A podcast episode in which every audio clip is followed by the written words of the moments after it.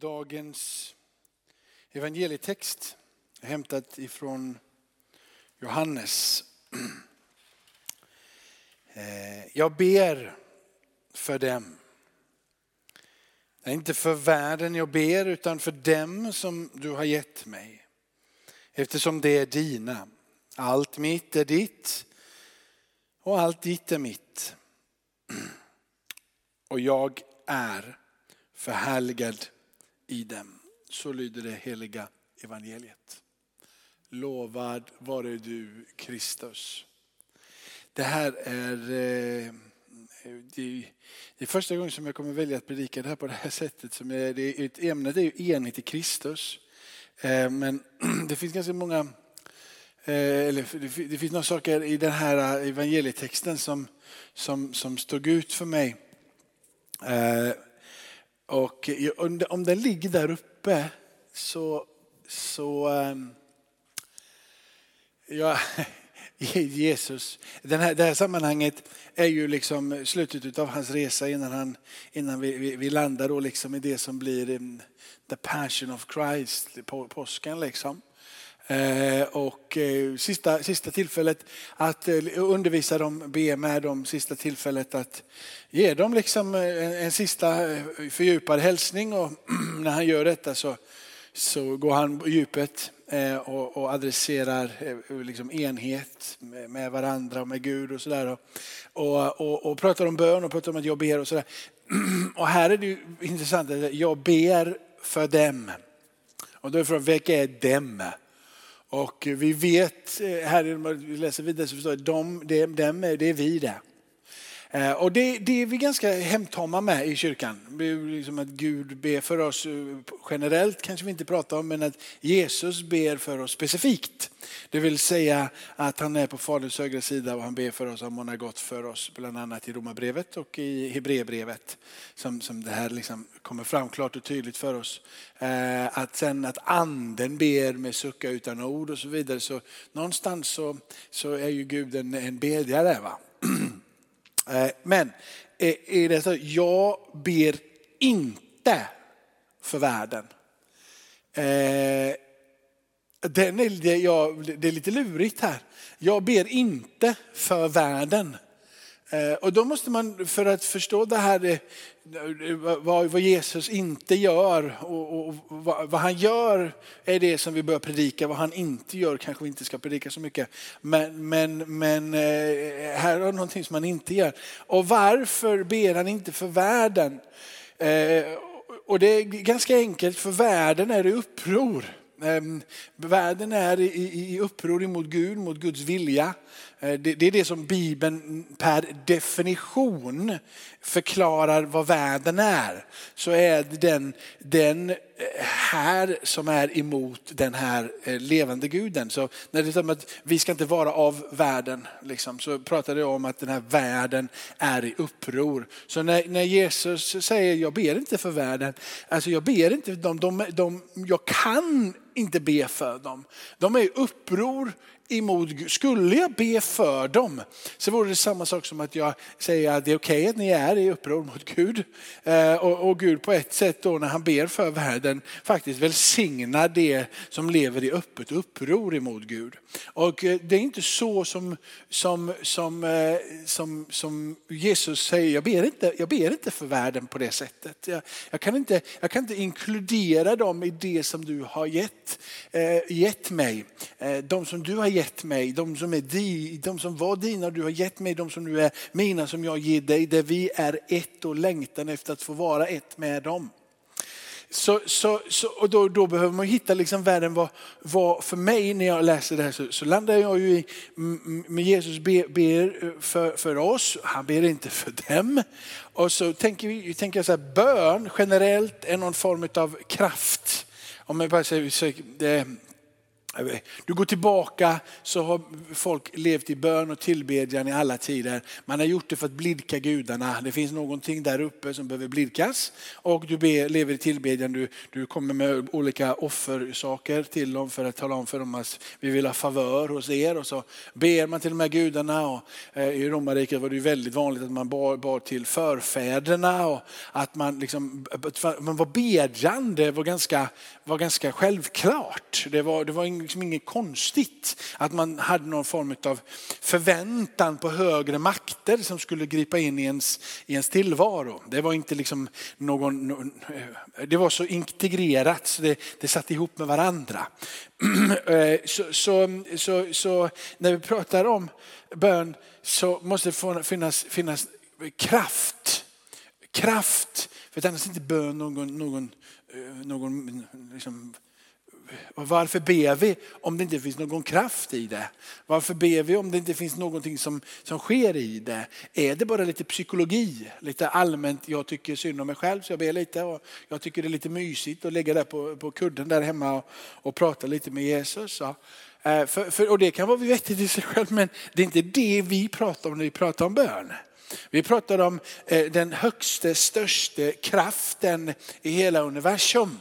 Det här som Nya Testamentet pratar om att, att när ni ber eh, så, så förändrar ni hela världen. När ni ber så kan ni styra kungahjärtan ifrån eran eh, kammares liksom, eh, mörker. När ni ligger i styr Så Bibeln är ganska klar med den. det är så här, ni ska se på bön. Det är en kraft i universum som tränger in och för saker och ting in i och framåt och in i det som, som, Gud, som Gud vill. Och när han då, om det nu är det som han intresserar vad bön är för dig och mig genom, genom Nya Testamentet och i, i gamla och alltihop. Och så tänker jag så här, men när Jesus ber då? Då borde ju den, det som vi pratar om nu, att det är en, är en, är en, en dynamisk, att det är, är den här kraftfullheten som strömmar ifrån Gud. En, en riktig kraftkälla som rör och för fram Guds välde. Eh, om du nu själv, Jesus, Guds son, ber, hur mycket mer kraft vore det då inte i det? Och när han då säger nej jag väljer att inte be för världen, för de lever i uppror. När Jesus själv vet vad bön är och vad det gör och vilken kraft som det ligger i. Och det enda eh, sättet egentligen att förhålla sig eh, till det här, det är att förstå att bön manar fram det som är Guds tankar i det som är Guds folk. Eh, eh, det som Gud har lagt i dig och mig, det vill säga frälsningen, det som har blommat till liv i dig och mig. När universums kraft sätts i rörelse för att du ber, så skjuts du ut i det liv du har tillsammans med Gud och det som är Guds syfte. Och det enklaste sättet att se det på en berättelse i Bibeln, det kanske är när, när i, i andra Mosebok kapitel 17, när, när Mose står där uppenför och nedanför så har du slagit mellan Israel och ehm, eh, amalkiterna och de står där i strid och när Mose ber med upplyfta händer så segrar Israel. Och när de faller ner lite grann så har du Hur eh, och, och, och Aron som lyfter upp armarna. Och det är göteborgsk humor där är ju att hur vinner vi slaget? Hur? Jo, genom att be. Men det är inte, vi är inte i Göteborg så det finns ingen anledning att säga det här. I det så, så när de håller upp armarna så vinner de stridet och amalkiterna backar. Vad är detta en symbol på? Det är ju välderna i den här världen som vill trycka bort Guds folk, det som vill trycka bort Guds tanke. Svaret på det blir bönen och resultatet när bönen riktas mot himmelen är Guds direkta ingripande för att verkställa sina syften och sina tankar. Så bönen är din och mitt sätt att komma in i det som Gud vill. Och då är det ju intressant det här med enhet. Eh, vad enar oss mer än någonting annat? Ja, inte är det tårtan när du fyller år Simon. Liksom. Och det är inte innebandyn och det kommer inte vara fotbollen. Och det kan vara att ibland att vi skrattar åt Alma allihopa samtidigt så det enar oss till ett visst mån. Liksom, att vi kan ha en och samma clown runt omkring oss. Men det som verkligen enar oss, för det första så är det ju Kristus som enar oss. Men vad händer när man ber tillsammans? Ja, det, det är svårt att vara irriterad och arga och sen går vi in och ber lite till vår sköna Herre. Liksom. Han som sitter på tronen och regerar från evighet till evighet. Vi kan, kan försöka vara arga innan och så ber vi lite en stund så försöker vi vara arga efter. Eller är ni med? Det är rätt omöjligt. Och det, det, i, sin, I sin natur så är det onödigt. I sina löften, vad Jesus säger om bön, så är det orimligt. Eh, Jesus undervisar om bön och säger när ni ber så ska ni förlåta varandra. Så som era fader i himlen förlåter varandra. Det, ni ska inte förvänta er liksom att kunna åstadkomma någonting enda litet, litet jota i bön utan att leva i förlåtelse och i relation med varandra. Det är en förutsättning för att, men om du då tänker att bön är universums största kraft och att universums största kraft ska komma i rörelse. Och det är du som med dina enkla ord från en enkel människa kunna lägga fram dem här och nu. Så förstår ni att det går inte att sätta hela denna universums kraft i rörelse som ska föda fram det folk som ska segra emot ett påtryck som är ifrån världen. Och vi håller på och står och, och, och liksom arga och sura. Begränsningen ligger i våran egen mun. Begränsningen ligger inte hos Gud. Begränsningen ligger inte i vad han har sagt om bön, att det bara funkar så här och så här. Begränsningen ligger i att du och jag inte lever i symbios och i relation och i förhållande till varandra på det sättet som vi borde. Där ligger hela avstamnat av det. När Bibeln pratar om jag ber inte för, för, för världen. Så, så är det ju för att världen i sig själv lever i uppror. Vi pratar ju inte om här om, om, om att Jesus inte skulle, skulle liksom höra dina böner när du ber att ta bort hindret från att moster Agda ska bli frälst. Liksom. De här hindren som finns där som gör att Agda inte vill bli frälst. Det är inte så att Jesus tycker den där bönen var dålig, den handlar om värld. Nej, det handlar inte om, handlar om möjligheten att ta bort hindren från det som begränsar världen från att se. Men Jesus kan inte ställa sig och be för det som lever i uppror emot Gud. Så han kan inte ställa sig och omfamna. Bara ta, jag, bara, jag bara ber för, för, bara generellt för Sverige. Liksom. Jag ber för, för Sverige till han, liksom, till Fadern i fem månad. Utan när Jesus ber, för att när Jesus ber så är det den perfekta relationen. När Jesus ber så finns det ingenting däremellan. Så när Jesus lägger fram sin sak inför Fadern och han ber för dig och mig som det står här. Så väljer han att be för det som påskyndar hans åkomst. Det vill säga du och jag lyser som klarast i den här världen. Att du och jag förstår att leva i den här relationen med varandra i kyrkan. Be fram den enheten, stå för den enheten, ropa för den enheten. Ha den tron på att den kraften från himmelen kan komma i rörelse. Han som sitter på tronen från evighet till evighet. Att han kan andas på dina och mina böner och föra dig och mig in i den platsen där vi ska vara. Så att vi kan strida och vi kan segra så som Israels folk stred och vann emot amalkiterna bara för att de bad och tillbed den levande guden. Är ni med, är ni, är ni, är ni med på för känslan? Och min känsla är det här då. Va?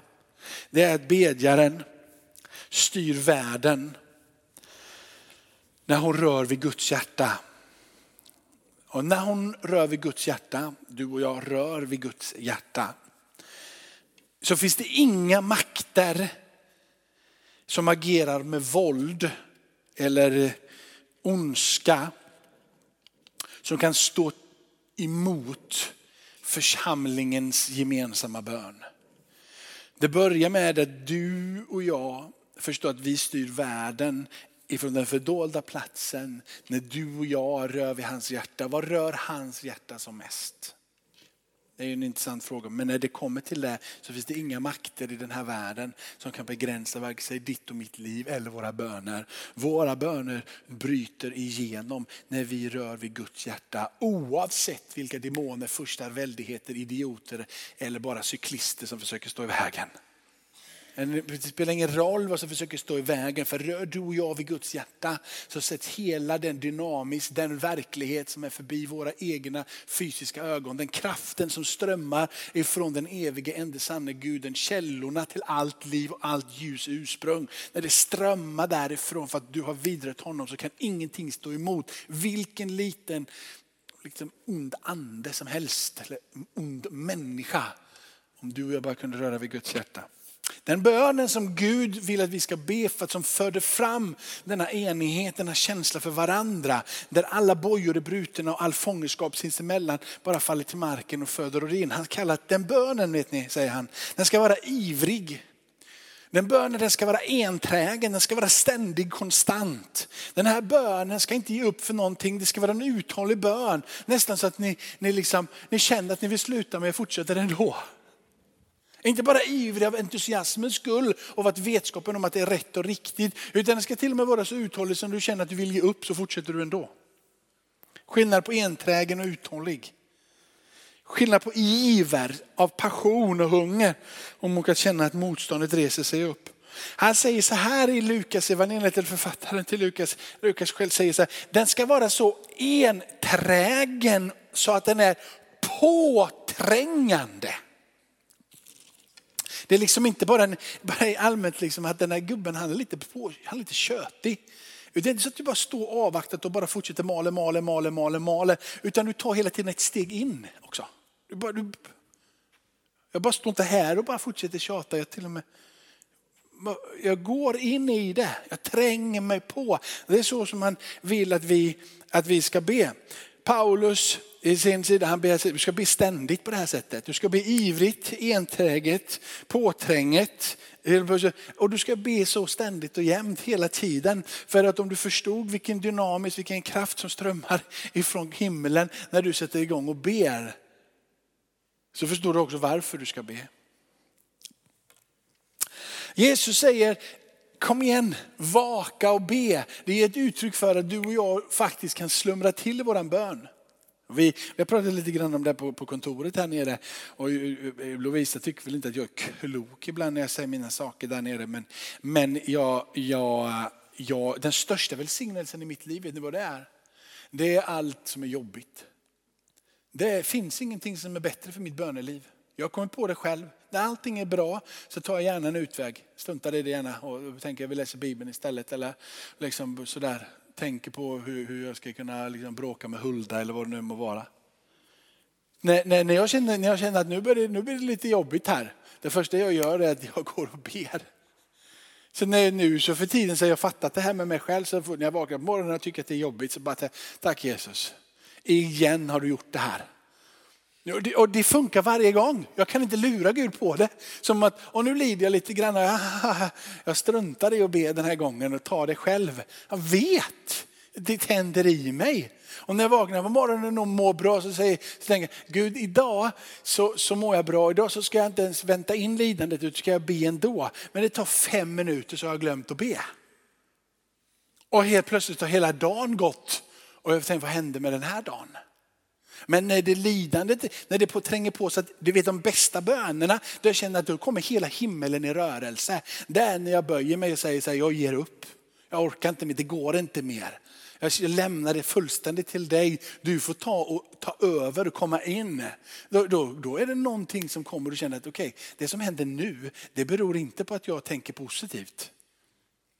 Det, det, och helt plötsligt så får jag vetskapen och förståelsen av att kraften verkar i den här stunden. Jag har vänt mig till han som är över alla andra lagar och system. Sen är det så här att den som då låter lidandet och ondskan och oförståelse och problem vara det som driver dig in i bön. Det som händer är att du blir uppmärksam i din ande. Det är inte så att du blir tyngre i din ande. Det är inte så att du, liksom, nu måste jag be mer för att jag känner att det är lite jobbigt här. Och så blir du förvirrad vad det är som händer. Utan när du går in i den här typen av bön och ditt hjärta, eh, för att kalla det, det kanske är som ett vrak, men det blir vaket.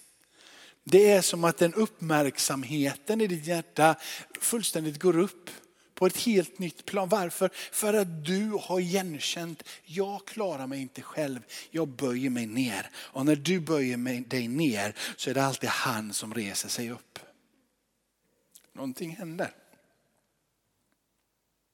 Det är som om att när du väljer att, att omfamna lidande och ta det som en, som en av de viktigaste egenskaperna för att dra det in i platsen utav intimitet med Gud. Så är det, det är som om att ditt, ditt inre bereds. Ditt inre är redo.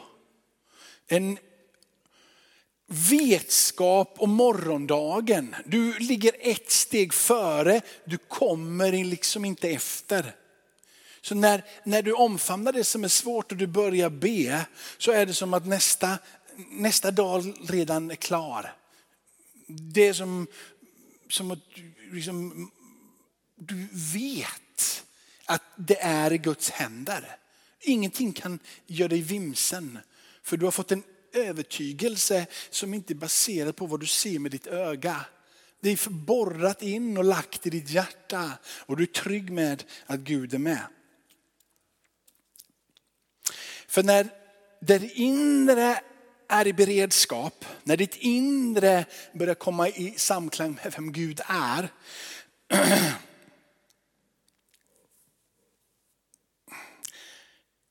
så är det som om att det ljuset som kommer ifrån Gud och som, som den här världens mörker inte kan kväva, utan det lyser så klart som det bara kan göra. Så är det som att du lyckas se bortanför mänskliga förhållanden. Och du kommer komma till den platsen då du säger tillsammans med Gud så blir allting möjligt. Du kommer komma till platsen att det där berget som reser sig upp, det är inte tillräckligt stort utan det kan faktiskt med ett enda andetag från Gud själv ryckas upp och slängas i havet. Det är med din andes beredskap, ditt, ditt inre ljus, liksom det, det, det sker på din insida så greppas och grips du inte utav det som är de mänskliga förhållanden. Du har blivit fångad i Kristus men du är inte bunden i den här världen. När du, när du, när du börjar landa jag måste bara kolla när jag började. Jag vet. Du tycker att jag har tre minuter kvar säger du. Då kör vi tre minuter till. Då. Du vet att och i det här så är det så här att du och jag har en tendens att faktiskt tro på det här men ändå inte leva i det. Du och jag har en tendens att tycka att det är viktigt men vi, vi, tycker inte det är så pass viktigt så vi verkligen gör någonting av det. Vi tror på det men det är liksom inte det som är hela våra, våra, vår, livsnerv.